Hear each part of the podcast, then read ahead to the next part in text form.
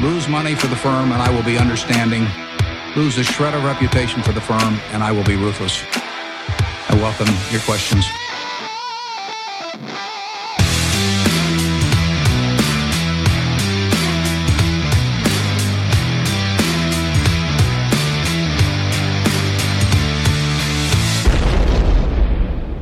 Välkomna till Kvalitetsaktiepodden. Det är jag som är Ola. Ja, och det är jag som är Klas. Eh, det här är avsnitt nummer 34 som spelas in torsdag den 24 januari. Lön imorgon. Jajamän.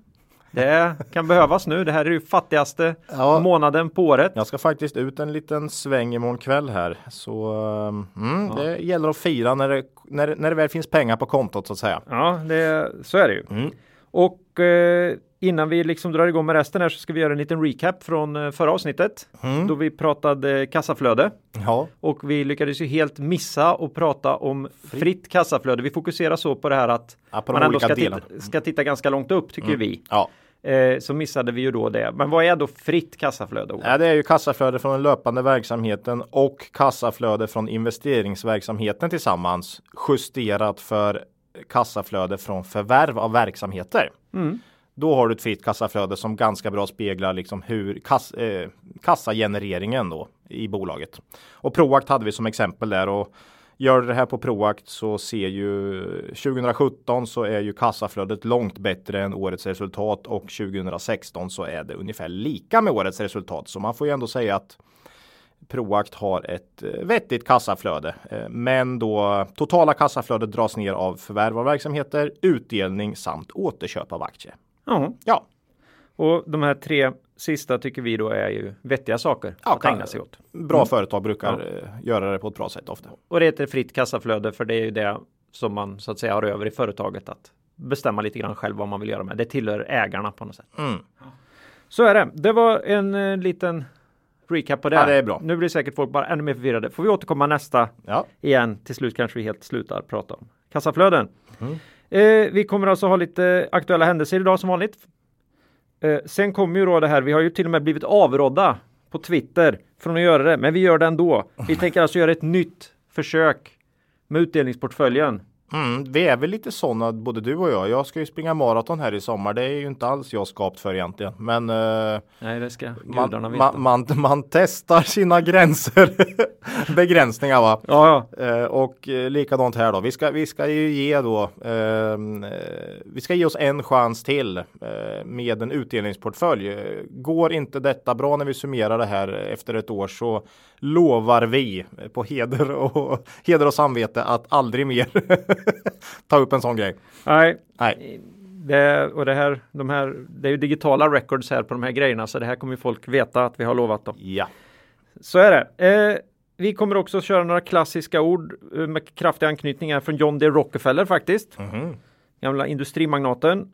Och sen ska vi svara på en fråga om P tal och nuvärdesberäkningar. Det har varit en liten pågående grej på Twitter där. Nej, jag la ju ut en tabell. Det var någon som frågade om eh, vad är motiverade P tal och då la jag ut en sån här en, en, en tabell, eh, lite förenklad, där man kan hitta rimliga P tal utifrån tillväxt och avkastningskrav. Eh, Och den kan vi väl utgå från när vi pratar här sen då. Ja, ska vi kommentera den lite grann.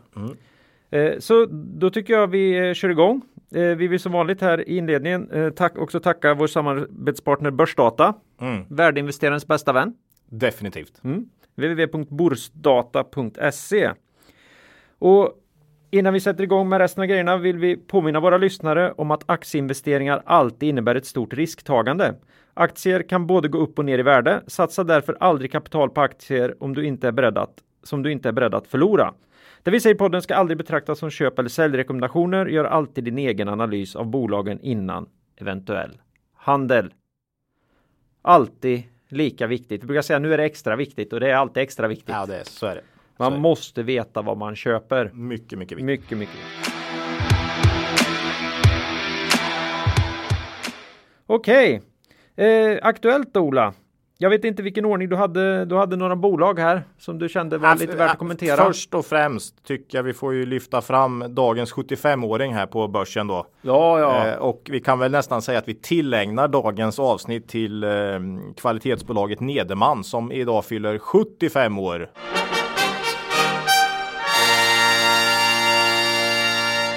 Kanske får lägga in en fanfar. Ja, det här kommer ligga en där Ola. Låg direktavkastning dock. så det har ingenting med, med utdelning att göra här då. Eh, men eh, mycket fint bolag. Och eh, vd säger i slutordet här. Vi har gjort fantastiskt mycket positivt under de här 75 åren. Eh, Men jag är övertygad om att de närmaste åren kommer att innebära närmast en revolution inom hållbar industriproduktion och Nederman befinner sig i centrum. Och då tror jag han tänker de närmaste 75 Ja, det åren. tror jag. Nej, men det här, Det här är långsiktiga ja, bolag. det är bra. Ja, Det är fantastiskt. Grattis säger vi. Ja, grattis på födelsedagen. Mm. Sandvik Ja, tänkte jag säga. de har ju inte varit sådär jättevanligt förekommande i eh, den här podden. Vi har ju inte tagit så mycket av de riktigt stora. Några har vi liksom tagit upp, men vi ska försöka bli lite bättre och åtminstone kommentera vissa av de här viktiga händelserna. Mm. Och det här är ju någon slags temperaturmätare då Mm. på den här konjunkturen som alla pratar om viker. Ständigt vill gissa på Ja. vart den är på väg. Ehm, Och Sandvik var ju först ut här av alla verkstadsbolagen och eh, nej, jag tycker man kom undan med heden i behåll här. Det är det tuffar på men med lite sämre takt då kan man säga. Mm. Och ja, eh, bra rapport. P 13 då på väldigt höga eh, marginaler historiskt. Mm. Det ska man ju komma ihåg att de är väldigt höga de här rörelsemarginalerna man kollar eh, hur Sandvik har presterat historiskt och eh, man vet ju att 2009 gjorde Sandvik förlust till exempel i, i den lågkonjunkturen. Så att eh, ja, det är väl inte jättelockande för en värdeinvesterare att köpa eh, industribolag just nu kanske. Nej, och annars är de så högt värderade så då Ja, tycker vi inte det är speciellt lockande att köpa. och aktien är dessutom bara ner, bara inom situationstecken ner 15 här från all time high. Och eh, kommer det en stor inbromsning i konjunkturen så brukar ju de här konjunkturkänsliga bolagen kunna falla kanske uppåt eh, 50% ibland. Så att eh, ja, Mm. eh, inte jättelockande för oss, men eh, en bra temperaturmätare och det verkar fortsätta hyggligt. Ja. Gör det. Deras skärstål biter ett tag till alltså, kan man säga. Verkar så. Det verkar så. Eh, ja, eh, ska vi ta, vi pratade ganska nyligt om Oriflame. Ja, eh, exakt. Och eh, man kom ju med en vinstvarning här, eller vinstvarning och vinst. Jag tyckte inte det var så mycket vinstvarning faktiskt. Det var ju som förväntat i alla fall. ja, det var oss. faktiskt lite bättre än vad jag trodde. Men eh, det var framförallt tillväxten här som var lite sämre än vad man hade, vad analytikerna trodde. Mm. Eh, och den kom från Asien här då, eh, inbromsningen. Och eh, vi sa i våran podd här när vi pratade Oriflame sist att vi, vi funderade på vart ska tillväxten komma ifrån om Asien nu börjar sakta in och eh, det är ju det vi ser här nu att Asien bromsar in och eh, ja, vi drog lite paralleller med H&M och Pandora.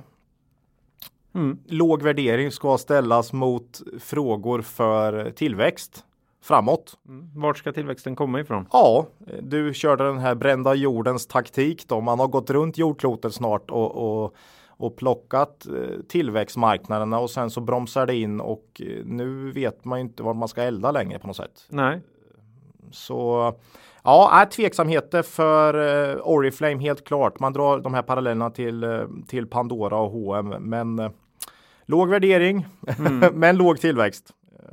Och ja, det är svårt. Jag parkerar egentligen hellre pengarna i Oriflame än Sandvik inför en lågkonjunktur. För Oriflame har ju presterat väldigt bra i lågkonjunktur historiskt. Det kanske är fler som vill hålla på och försöka sälja lite produkter och så va. Så ja, jag vet inte. Men eh, nej, tveksamheter för tillväxten och en stor osäkerhet där tycker jag. ja, Jag vill inte göra om eh, misstaget i Pandora nämligen. nej, Nej. sånt kan ju kosta. Mm. Mm. Så dåligt kan det bli. Så kallade value traps. Det kan bli jättedåligt, men eh, ja, det, vi kommer återkomma till Pandora. Det lovar jag, men inte nu. Nej, Eh, Oriflame där.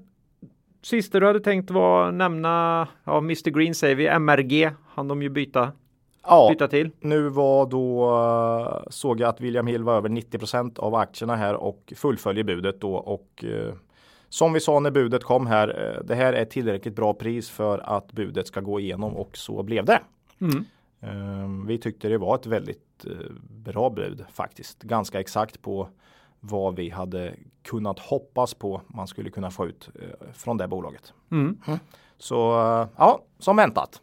Ja, det var ju skönt. Ja. Ja. Eh, det var väl aktuellt. Mm. Så vi får ju hoppa rakt in då. I, I det här otäcka då. Vi ska alltså fokusera nu på vårt andra och jag får gissa troligen sista försök. Ja, kanske. På en utdelningsportfölj. Eh, vi kommer gå lite närmare in på varför det är så. Först då ska vi försöka lära lite av fjolårets mal, malplacerade och misslyckade insats. Skulle man kunna säga så? Ja. ja alltså utvärdera på ett år är ju också helt orimligt för oss. Det är ja. ju jättekort tid. Mm, det är för ju. oss. Men ja, vad, och framförallt vad gäller utdelningsportföljer ja. som i, i, på något sätt default är mm. väldigt långsiktiga där du ska liksom eh, ha bolag som det tickar in, in uh, utdelning över lång tid. Liksom. Ja. Uh, men, men, vi kallar ju förra årets avsnitt då för fem bolag 5 Ja. Och vad blev utdelningen? Ja, den blev 4,8 då på de kurserna vi gick in det, på. Det avrundar jag ju till. Till 5. Ja. ja, då stannar vi där. Ja.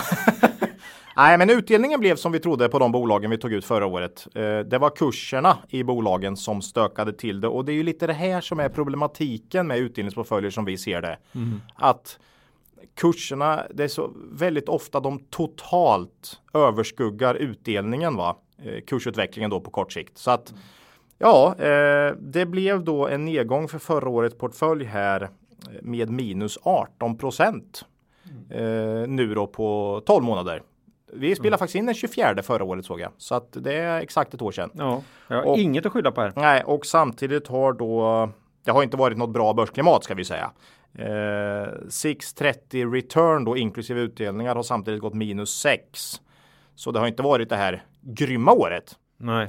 Men det är ju inte bra att gå minus 18. Det, det är 12, 12 procentenheter sämre än börsen. Det, mm. det är ju aldrig okej. Okay. Men som sagt. Eh, om vi stadigvarande missade index så.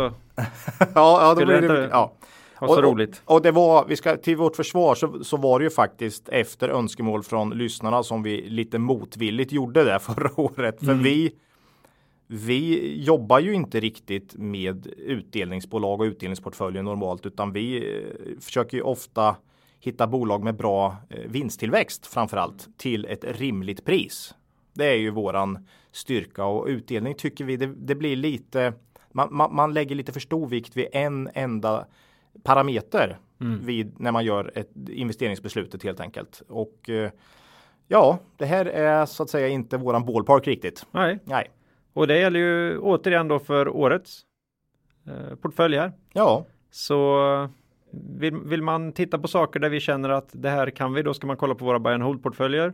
Mm. Och vill man eh, få vara med på lite experiment, mm. då kan man titta på utdelnings portföljen. Vi ägde ju heller inte någon av de aktierna vi tog upp då för ett år sedan. och, eh, var ju tur det. Men eh, det visar vi att svårigheterna Jo, men jag hade nog kvar någon slaskpost ja, i Pandora. Du hade en pyttepost i Pandora vet yep. jag, stämmer. Men annars så var det blankt då.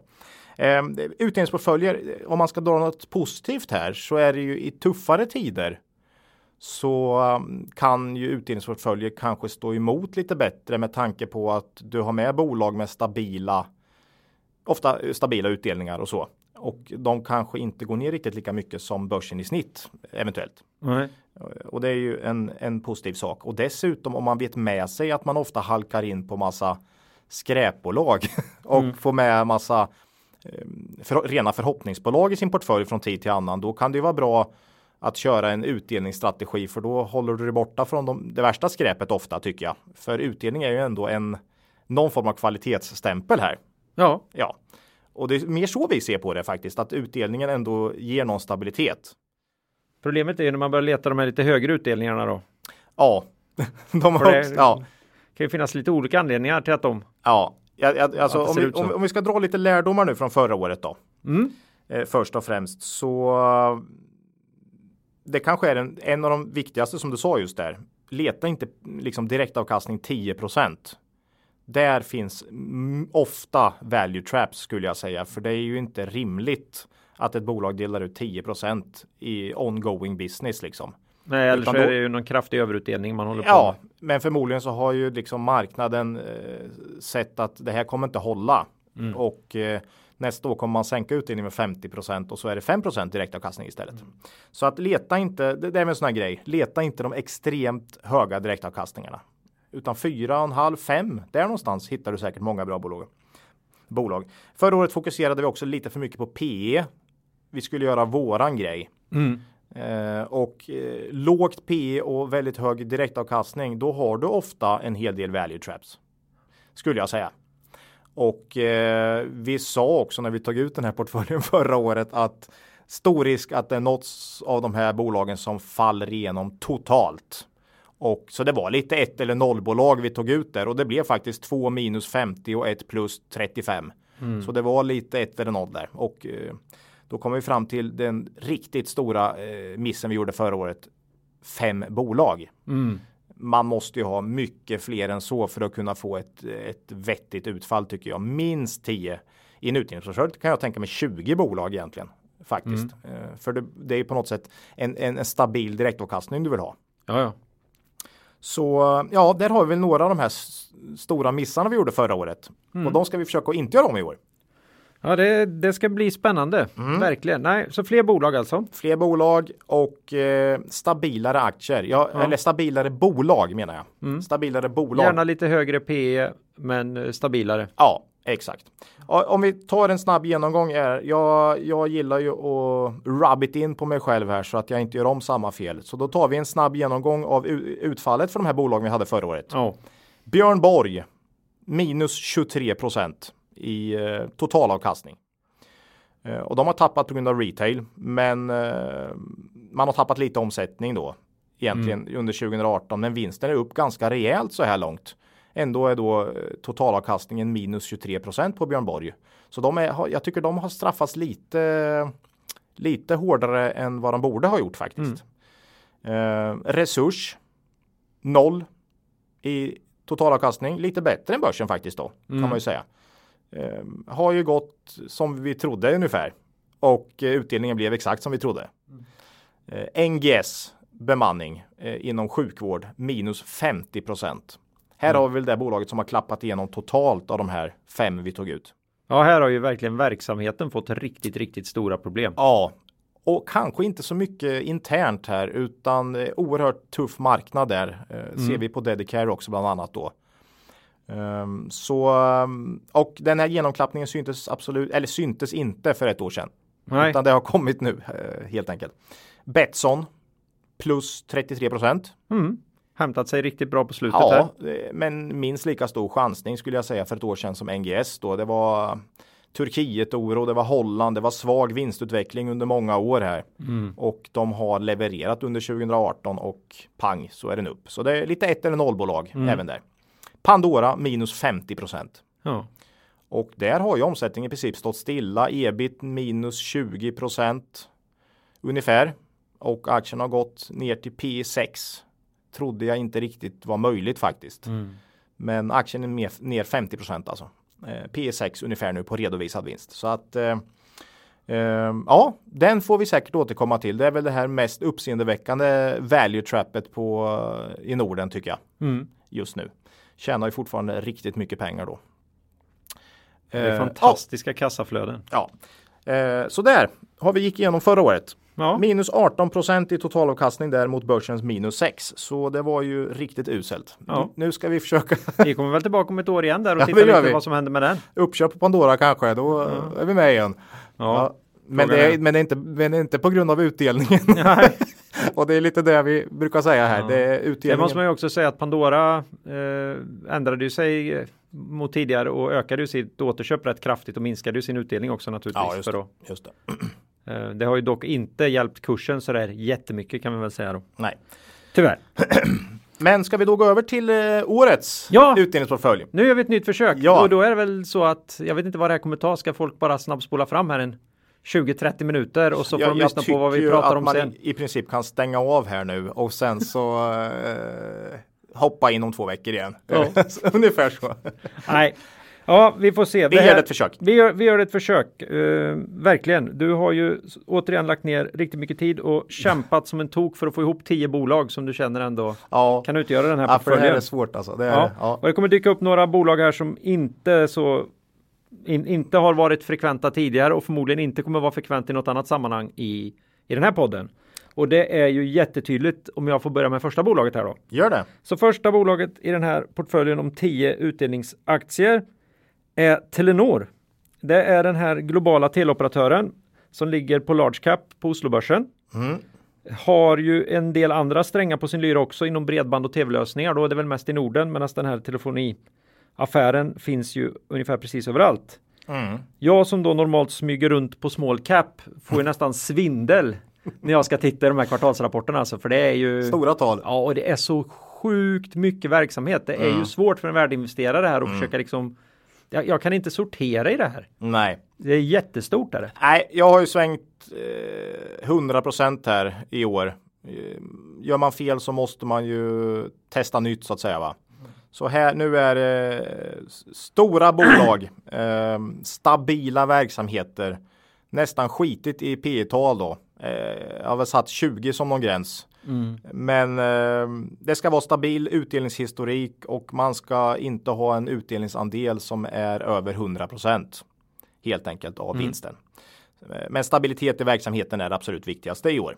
Eh, Och Telenor har en konjunkturokänslig stabil verksamhet. Och man har en väldigt fin utdelningshistorik. Man har en bra balansräkning och en direktavkastning på 5% Inte 10 utan 5. Mm. Eh, Så här har jag verkligen försökt mejsla in de här eh, sakerna jag gjorde fel förra året. Ja, Eh, Telenor blir först ut. ja. Mm.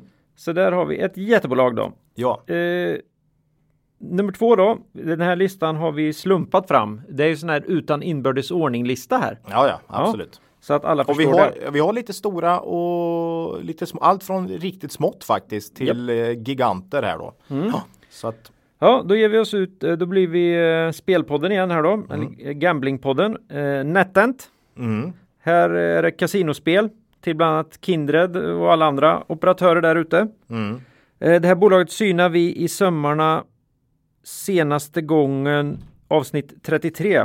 Så det var alltså förra gången. mhm.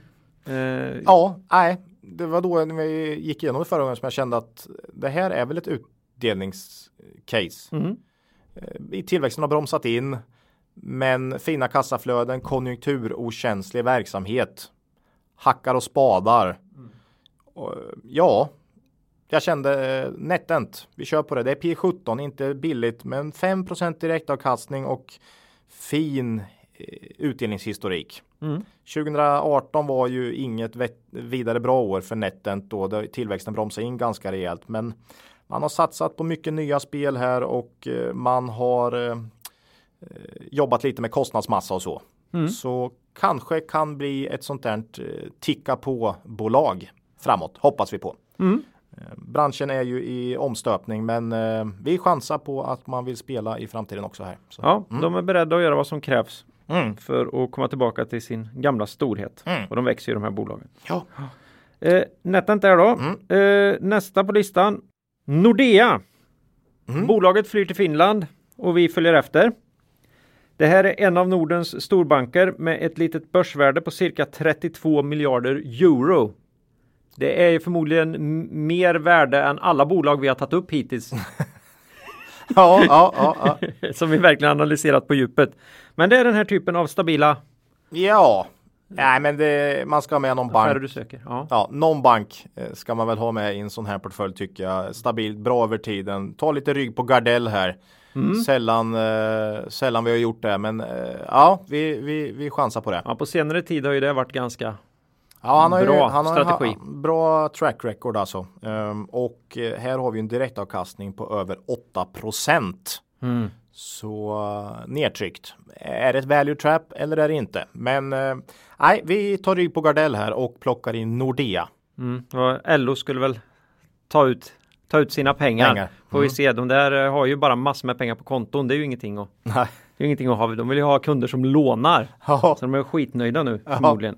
Nej, någon, de behöver ju ha lite inlånade pengar också. Så det är klart det är jättetråkigt att bli av med kunder. Ja, Nordea var det. ja. Eh, Duni. Ja. Det är intressant. Det är ett bolag som dyker upp mer och mer i podden trots att vi ständigt säger att ah, det, här är, det här är lite dyrt. Ja, eller intressant är det Ja. ju, men lite för låg tillväxt för, för oss eh, och eh, sådär. Eh, Lite problem i nuläget med höga insatspriser på råvaror och så. Alla vet väl att det här är ju ett, ett bolag som, som smyckar våra bord och Mm. till, Servetter, tillverkar dukar. finfina servetter. Ja. Idag är det, ju, är det ju dock kupongen som vi Ja, precis. fokusera på. Ja, eh, nej men stabilitet. Helt klart. Jättefin historik. Eh, har inte sänkt utdelningen senaste tio åren utan antingen oförändrad eller höjt då. Och det kanske var ännu längre. Jag vet inte. Jag har historik på tio år bara. Eh, nästan 5% direktavkastning nu. Så ehm, ja, Duni kommer in här. Ja. Eh, och börjar bli lite spridning här. Mm. Klart, klart mindre än Nordea kan vi ju säga. Ja, an, aningens, Ja, aningens. Ja. Eh, sen kommer då Kindred. Ah, Det här är ju spel om pengar online. Mm. Det här anser ju, ja, jag tror vi också anser, finaste bolaget i branschen. Mm. Enligt många. Ja, Har varit med länge. Över hundra länder. oj. Det här med lite riskspridning då. Mm. Eh, de har ju alltså tagit sig till large cap och har en eh, omsättning som kommer hamna över 10 miljarder 2018. Mm. Har vi pratat om senaste avsnitt 28 från den sista oktober förra året. Mm. Mm. Ja, det blir två, två spelrelaterade bolag här då. Mm. Och eh, det är ju för att eh, de, jag tror de är hyggligt konjunkturokänsliga då. Mm. Eh, och då blir det två stycken av tio. Det Och ganska nedtryckta. 20 procent, ja och ganska nedtryckta. Så um, vi köper det. Eh, Kindred då som jag tycker är stabilitet i sektorn. Eh, finns ju osäkerheter här i närtid Ja, med eh, framförallt då den här svenska regleringen men även tecken på tuffare marknad i UK bland annat. Leo Vegas har ju flaggat för eh, svagt i, i Storbritannien. Mm. Så det finns oro i närtid, men man kommer säkert igen över tid tror jag. Och stabil, stabil bransch över cyklerna. Mm. Mm. Så att Kindred får bli det andra spelrelaterade bolaget här. Ja, Mm. eh, då hoppar vi över till eh, IT-konsult Mm. svängen Ja. och plockar upp Acando. Mm. Och det här eh, är ju en IT-konsult och managementbolag. Mhm. Det har jag ju lite roligt åt det där. Eh, ligger på midcap.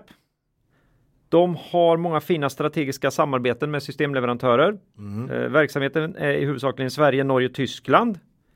De har kunder inom allt från fordonsindustrin till Kronfågel. Oj. Eh, och eh, ja, det är väl ägt av Scandi Standard i och för sig, men det är väl ett eget varumärke i alla fall. De var också med i avsnitt, avsnitt 28 från den sista oktober. Mm. Eh, ja, Ja, det har vi pratat lite om faktiskt historiskt ju, Acando. Mm. Och eh, jättefint bolag med eh, fin historik, eh, idel vinstkvartal. Eh, såklart säkert lite konjunkturkänsligt och det har man ju sett i sämre tider att rörelsemarginalen går ner. Men man är ju alltid en bra bit från förlust är man ju. Eh, och eh, utdelningshistoriken är ju riktigt bra dessutom. Jag, så länge jag har statistik så har man inte sänkt utdelningen. Utan man har tuffat på med bra utdelningar och man har cirka 5 direktavkastning. Och jag, vi har pratat mycket om det med IT-konsulter. Och att de kanske kan vara lite mer konjunkturokänsliga än de här rena teknikkonsulterna eller de här bemannarna till verkstad och så. Så att eh, vi tror väl ändå att det finns någon mer stabilitet här. men man ska ju veta det att de här, de här behöver ju få ut, få ut sina konsulter. Det är Mm. inte mycket recurring revenues Nej, och så här, utan här, här är det konsulterna som ska sälja timmar. Ja, Eh, det kan man väl också tänka sig att ja, Q4 eller kvartal 4 är inte påverkas, men det var ju en riktig arbetarjul i år. jo, Så jag det tror definitivt. Ja, Så det kommer ju förmodligen synas i deras resultat i Q4. jag tror definitivt det kommer synas i, i, i Q4 för, i, för konsulterna. Ja, och det är ju ofattbart ofta som marknaden inte klarar av att hantera det riktigt. Så man, Ja, kan ja, ofta Få, man kan ofta få chansen att göra en bra deal då när de här rapporterna kommer. Mm. Eh, Det finns ju någon, eh, man kan sö- det finns ju någon sökmotor vet jag, någon svensk sida som kollar antal arbetsdagar. Det är bara att skriva in från och till olika perioder. brukar jag sitta och, och köra den ibland. här kommer ju du få länka på Twitter nu Ola. Ja, jag får när du, göra det. När du Nej men eh, för det där är något som marknaden, alltså man säger att marknaden är perfekt men nej det är det inte och den här påskeffekten den pratar man ju om i, i, i ett år före den skulle komma nästan Ja. här förra gången och så att ändå så är liksom marknaden chockad på något sätt när den väl kommer. Ja, Eh, Det är som att man inte riktigt, nej, det, så kan det inte vara här. Det, kan men, det ha så stor påverkan? Ja. Ja. Men eh, nej, det var nog inte många som jobbade här över jul och nyår. Det, det, tror jag inte. Nej. Och då är det svårt att fakturera. Ja, Eh, så är det. så vi får se. Eh, kan ju bli svagt i närtid här. Ja, Akando var där. Ja, Då kommer vi till en annan nykomling i podden. ja klart mest konjunkturkänsliga här skulle jag säga i, av de här tio. Mm. Nokian Tires. Mm. Eh, det här är ju jättevälkänt eh, för en bred allmänhet. Kanske inte för sina breda däck just då, utan att som en oerhört högkvalitativ tillverkare av sommar och vinterdäck. Mm. Både för bilar och tunga fordon. Ja, jag vill ju ha med en, eh, ett finskt bolag också. Eh, tog med en, en norrman här då. Mm. Eh, Danmark hittar jag tyvärr inget eh, som eh, jag riktigt kunde eh, fastna för. Ja, efter resan i Pandora senast så, så har man ju slickar man ju såren ett tag. Alltså. Så är det. Så nej, det får bli Nokian Tires, ett oerhört fint och välskött bolag som många av de här finska bolagen är faktiskt. Eh, finska marknaden är lite bortglömd kan man tycka och ofta lite lägre värderingar också. Mm. Eh, Men eh, ingen nettoskuld, eh, fin lönsamhet, 20% i rörelsemarginal, eh, fin utdelningshistorik och direktavkastning över 5% Men eh, vi vet alla snacket om bil bilbranschen och hur det går med bilförsäljning och så där. Så i närtid kan det ju bli lite tufft kanske för Nokian Tires. Men däck slits ju oavsett elbil eller inte ska du ju ha däck liksom. Mm. Så att eh, ja, vi, vi, vi, vi chansar på det helt enkelt. Ja, vi, ja. Vi, vi tror att de kan rulla på ett tag till då. Ja, ja. Ja, Nokian Tires. Men, men visst blir man lite orolig. Biliga, Mekonomen, vinstvarna här. eh, Nybilsförsäljningen går ner.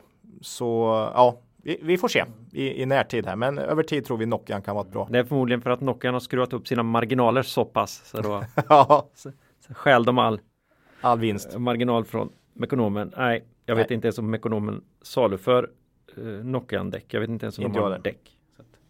Eh, nästa då i listan här blev Nilörn-gruppen då. Mm, Och det här är alltså enda dubbletten mot våran buy and hold. mm, Det är också det enda bolaget av de vi pratar om idag som vi är ägare i. mm.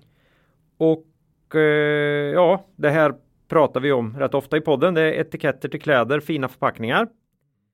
Eh, jag kollade och det var med senast då när vi körde and hold avsnittet och det var nummer 31. Och Den kom den 13 december förra året. Ja, ett eh, bolag med väldigt fin historik och stark balansräkning. Det är ju relativt konjunkturokänsligt skulle jag säga. Men eh, deras kunder genomgår ju för närvarande ett eh, paradigmskifte här. Så branschen är ju i gungning, eller deras kunder eh, är ju är ju i ett stort skifte här. Mm. Men kläder köper vi. Frågan är väl mer var skulle jag säga och eh, Nilörn levererar ju det här till eh, tusen olika kunder hade de vet Mm. jag så att eh, det är inte säkert att Nilörn påverkas på samma sätt som, som deras kunder helt enkelt och det är väl det vi eh, tror här. Och här har du en direktavkastning på 5,5 procent och man delar bara då inom situationstecken ut 65 procent av vinsten så att man har ju marginal att tappa en del för att ändå hålla det här så att säga. Mm. Ehm, ja, Nilörn Ja, kommer in. Eh, inget stort bolag. Nej, Men, men och ing, ingen nyhet för Nej. trogna poddlyssnare att vi gärna plockar med dem. Mm. Ja, då har vi två kvar då. Då tar också, vi vår... också små bolag. Ja, ja, nu är det, det är smått här. Mm. Eh, Softronic, andra portföljens andra IT och managementkonsult. De här är ju projektspecialister istället då. Och de var med ihop med Kando också, gjorde upp om titeln bästa IT-konsult i avsnitt 28.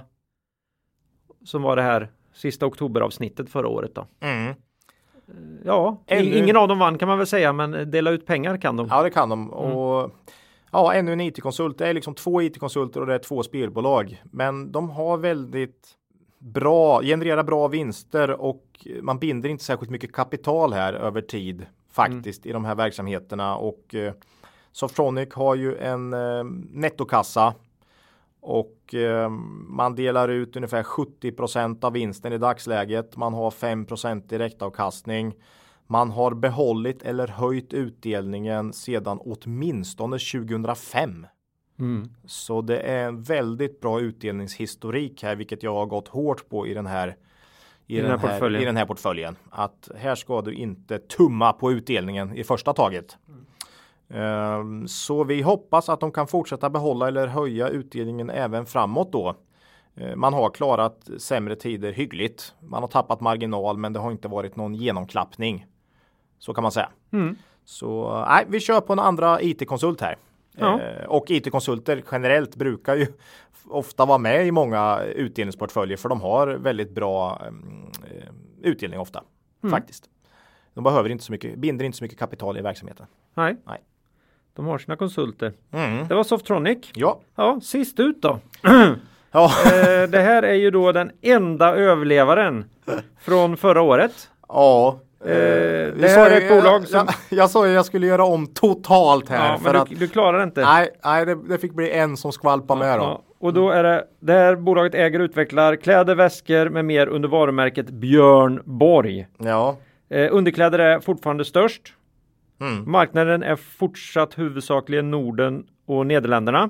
Mm. I Nederländerna går även sportkläder bra. Mm. Eh, pratar vi om i avsnitt 30 senast från den 29 november. Eh, ja, nej, Björn Borg har ju vi Ja, eh, ja de, de, de tuffar på men de har ju svårt att få ett riktigt bra bett i någon ny stor marknad. Ja, ja visst, visst. Eh, det här är ändå ett bolag som har stått emot den här, det här stålbadet i retail ganska bra. Mm. Om man ska jämföra med, med många andra i branschen och det här är väl varumärket. Vi har ju pratat om varumärken mm. kontra MQ, Lindex och de här som inte har de här starka varumärkena kanske utan butiker mer. Ja, en säljkanal istället. En säljkanal. Så, så, så, här är det ju varumärket liksom tror vi som ändå håller emot en del och när man nu kollar börsvärdet på 500 miljoner i mm. Björn Borg. Frågan är om inte varumärket Björn Borg, de äger ju det. Mm. Om inte bara det är värt 500 miljoner. Mm. Det, det, det, är liksom. Man funderar lite grann på vad liksom någon av de här riktigt stora drakarna skulle kunna göra med ett sånt här varumärke. De ja. som redan är kraftigt etablerade. Och liksom. framförallt lanserade i Asien eller så. Fred Perry har du ju ett gammalt tennisspelare, Lacoste. Det är ju jättemärken då liksom. Men jag vet knappt om ungdomarna idag vet att Lacoste är gammal tennisspelare. Jag vet inte att Lacoste Nej, okay. är gammalt. Det är Nej, bara jag... du som vet det Ola. Ja. Nej, men Man jag... tror att det är en krokodil. Ja, ja, precis. Mm. Nej, men vi har eh, vi tar med det här i år igen. Omsättningen har som sagt minskat lite under 2018. Tufft år för hela branschen, men eh, ebit är ju upp under året så man har ökat sina bruttomarginaler då.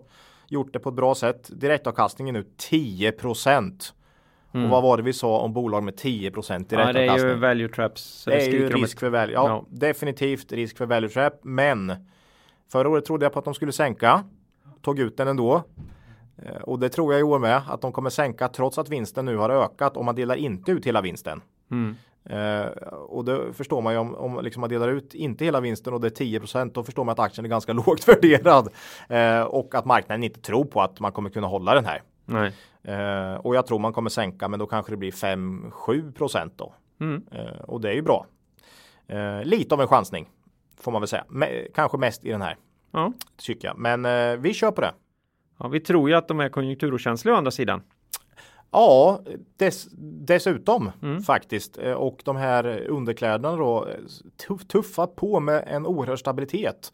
Man har inte riktigt fått flyg i det här med sportkläder som man önskade tror jag. Men underkläderna då tuffa på och eh, badkläder sålde mycket i somras tydligen.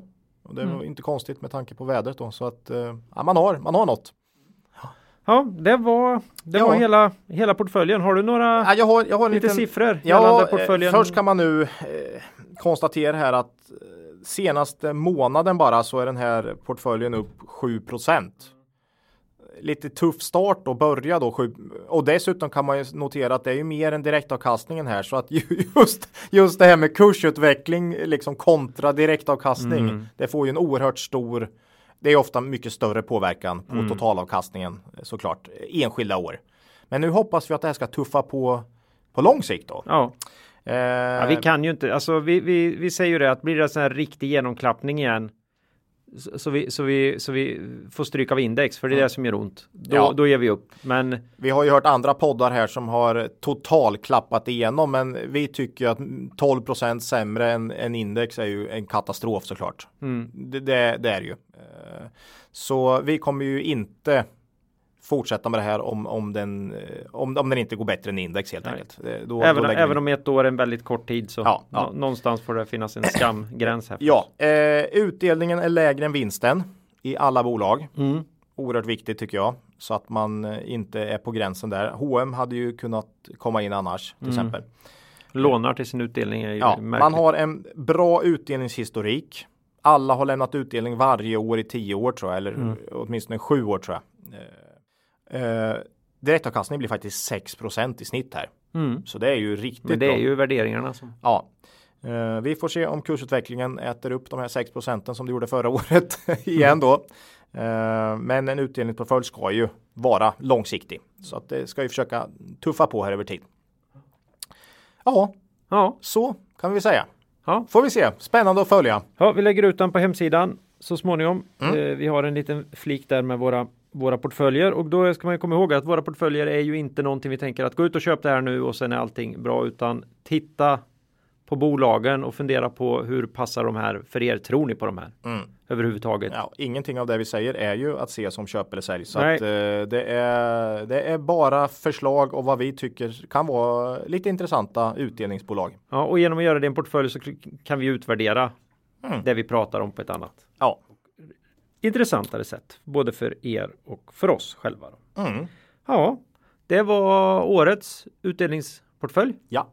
Får vi se vart den Om det blir det sista eller om eh, vi fortsätter. eh, Om ett början på, slutet. någonting nytt Ja, och Vi fantastiskt. får se. Ja. Ja. Eh, vi investerar absolut inte så här i alla fall Nej. i normalt. Eh, det var den. Ja.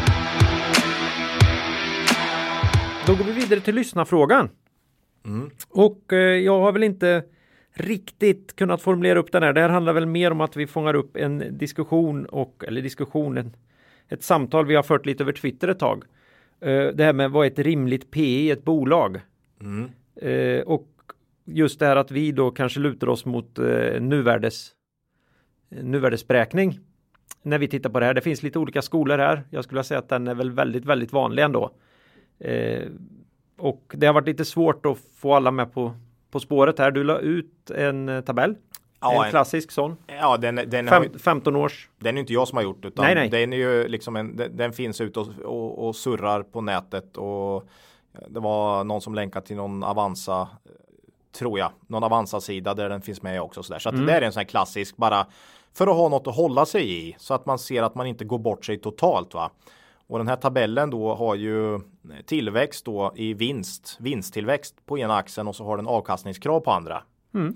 Och utifrån då olika Förväntningar. förvänt- krav och förväntningar. Krav och förväntningar då. Eh, Krav, eh, avkastningskrav och vinsttillväxt och förväntningar så kan man då läsa av i tabellen vilka P tal man max kan betala då och för ett bolag. Ja, för att väldigt snabbt försöka förklara, men vad är det, det här med nu-värde? Mm. Jo, det är ju helt enkelt så att en hundralapp jag har i handen idag är värd mycket mer för mig än en hundralapp om tio år. Mm.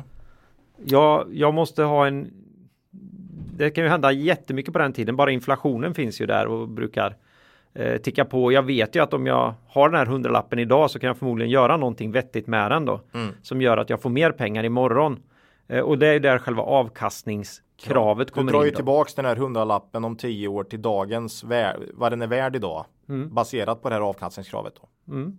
Så att eh, en, en hundralapp om eh, tio år med ett avkastningskrav på 10% kan jag inte ta i huvudet. Men det blir inte jättemycket. Nej.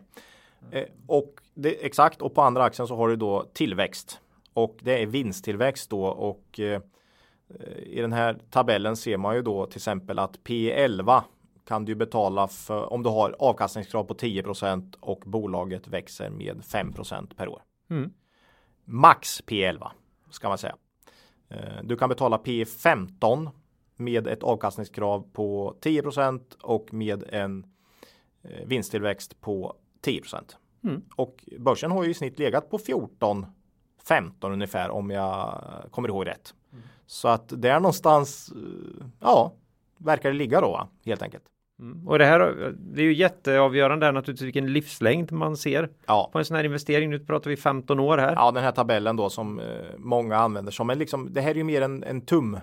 Eh, något att hålla sig i liksom. Så att, Det viktigaste för mig med den här, Mm. det är ju att, att, man, att man får väldigt svart på vitt vilka förväntningar man måste ha eller vilka extremt låga krav man måste ha för att kunna, för att kunna börja Ja. acceptera höga PE. ja.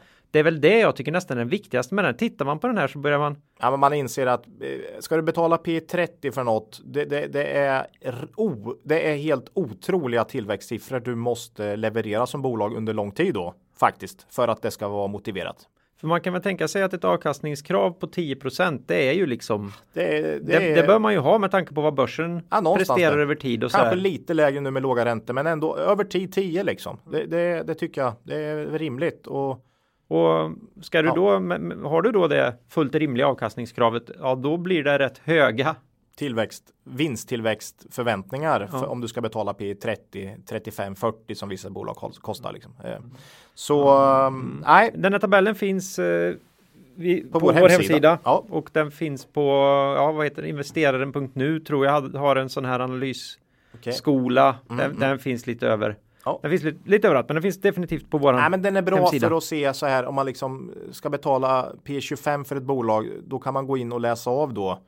Nej, det kanske man inte kan. Just P25 kanske inte är med i den här, men du ser ju vilka som ligger nära där så att säga. Och så kan du se vad, vad förväntas då för vinsttillväxt från det här bolaget över 15 år för att eh, jag ska kunna betala det helt enkelt. Och, och det är också så att när, när vinsttillväxtförväntan är betydligt större än ditt avkastningskrav, då ligger dina stora intäkter från den här affären långt in i framtiden. Den är Vilket- också väldigt viktig. Vilket är mycket svårare att säga om liksom.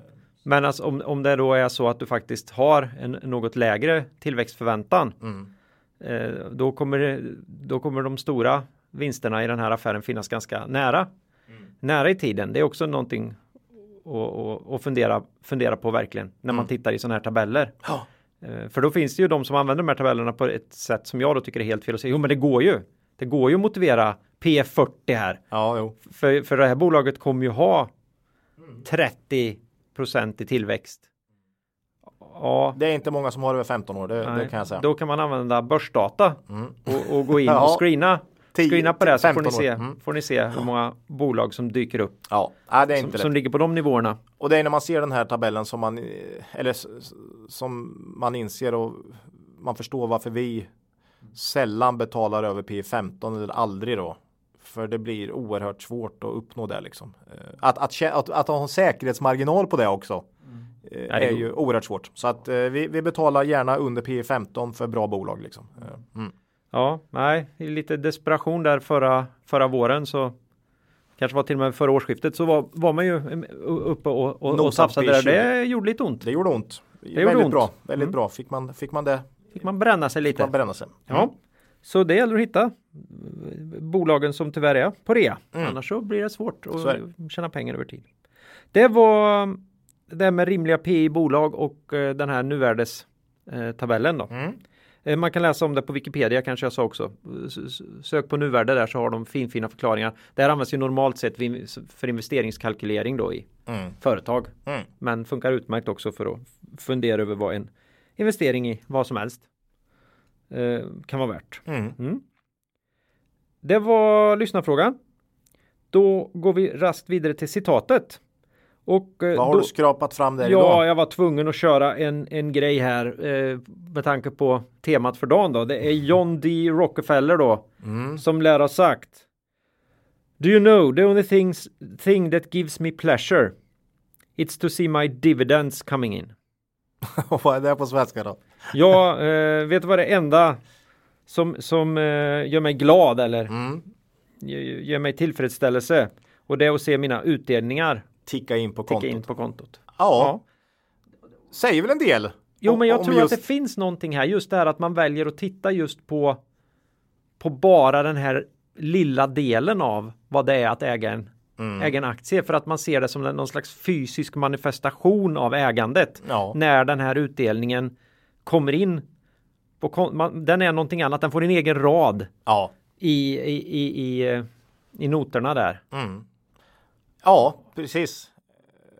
Och vi ska, det glömde vi säga faktiskt när vi tog upp. Man ska ju återinvestera utdelning då för Ja. att få den här bra långsiktiga effekten då liksom. Mm. Men, men just, äh, du säger något väldigt bra här för att det, den får eh, det, det ger någon trygghet, lite falsk ibland. Mm. Men eh, man får ofta betala för trygghet, det vet ju vi som eh, Ja, alla som betalar försäkringar va? Mm. Det kostar för att känna sig trygg helt enkelt. Och ehm, ja, den får ofta lite för stor Lite för stor Vad ska man säga? Ja, lite för stor vikt i. Vikt i, i, i, i ett investeringsbeslut Ja. och många fokuserar oerhört hårt alla de här utdelningsportföljerna. Varför gör man inte det, det, det är inte lika ofta man ser de här tillväxtportföljerna, även om de finns. Eh, Så får utdelningsportföljer väldigt stort genomslag tycker jag. Nej, men i Rockefeller, Rockefellers fall så är det naturligtvis ett helt annat case för han hade ju, han var så stor ägare så han, Mm. han det var inte det var inte, lä, alltså han, han hade inte de här aktierna för att handla i dem. Så det var ju hans lön.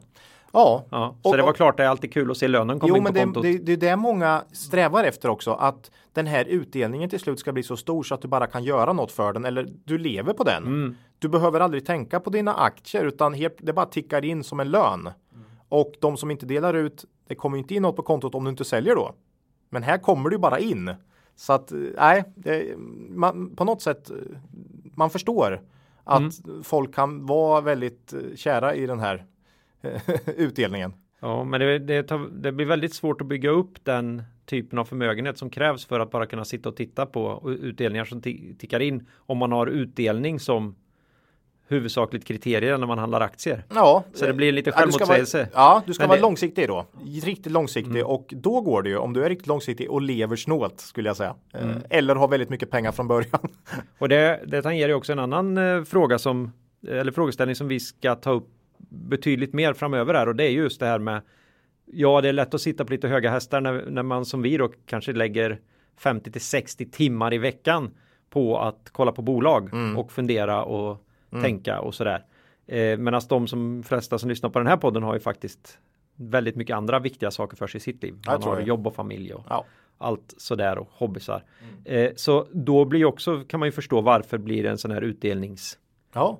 en, en, Ja, en, en betydligt rimligare Mm. eh, verksamhet. Vi, vi är väl lite tveksamma till att det är det bästa att göra. Vi, vi ska försöka återkomma lite mer framöver till Jag, hur- jag, jag har inte gjort den här sökningen på börsdata. Men det vore intressant att se om man på något sätt kan plocka fram en portfölj av utdelningsbolag och se eh, alltså någon jättebred Mm. eh, och sen kolla jämf- totalavkastning jämfört med index över tid.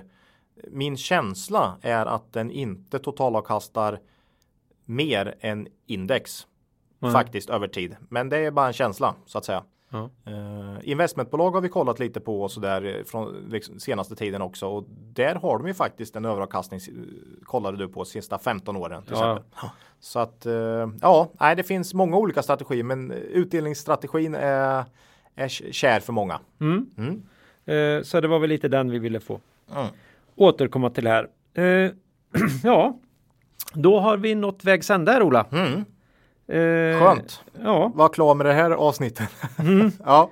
eh, nästa avsnitt då så har ju rapporterna börjat ticka in. ja, det blir mycket Så då rapport. kommer man känna igen oss Mm. igen. Mm. Då blir det små intressanta bolag Small och midcap Mm. mycket såklart. Ja, och eh, under tiden ni väntar på det så kan ni gärna mejla oss eh, på kontakt kvalitetsaktiepodden.se eller kommentera på avsnitten på hemsidan eller så på Twitter brukar vi försöka hänga på Mm. eh, det ni skriver där. Så det var väl det. Eh, har du något riktigt makro värt att ta upp idag nu? Innan? Nej, idag har jag verkligen ingenting. Nej, mina chanser går förbi. Det här att vi har en ny regering och sånt är Nej, nej. fullständigt ointressant. Mm. Eh, utifrån vårat, våran investeringsfilosofi i alla fall. Ja. Eh, nej, men då har jag funderat på en grej, Ola. Jaha. Mm. Jo, nu tog vi ju med Björn Borg Igen. ja, i portföljen här. Mm. Och då kan vi väl ändå inte låta bli att tipsa om den här gamla, som jag kallar superkomedin Smash. Från 1990 då.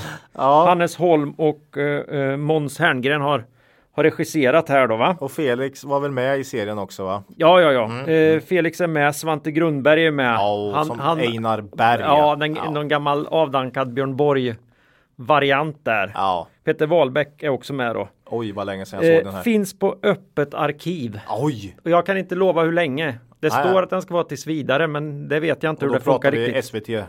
SVTs öppna arkiv. Mm. Nej, det blir inte bättre än så. Hur många avsnitt gjorde de? Åtta. Åt, oj, Ja. ser man ju, herregud, folk sitter och matar Netflix här. Det, det där ser man ju på en kväll.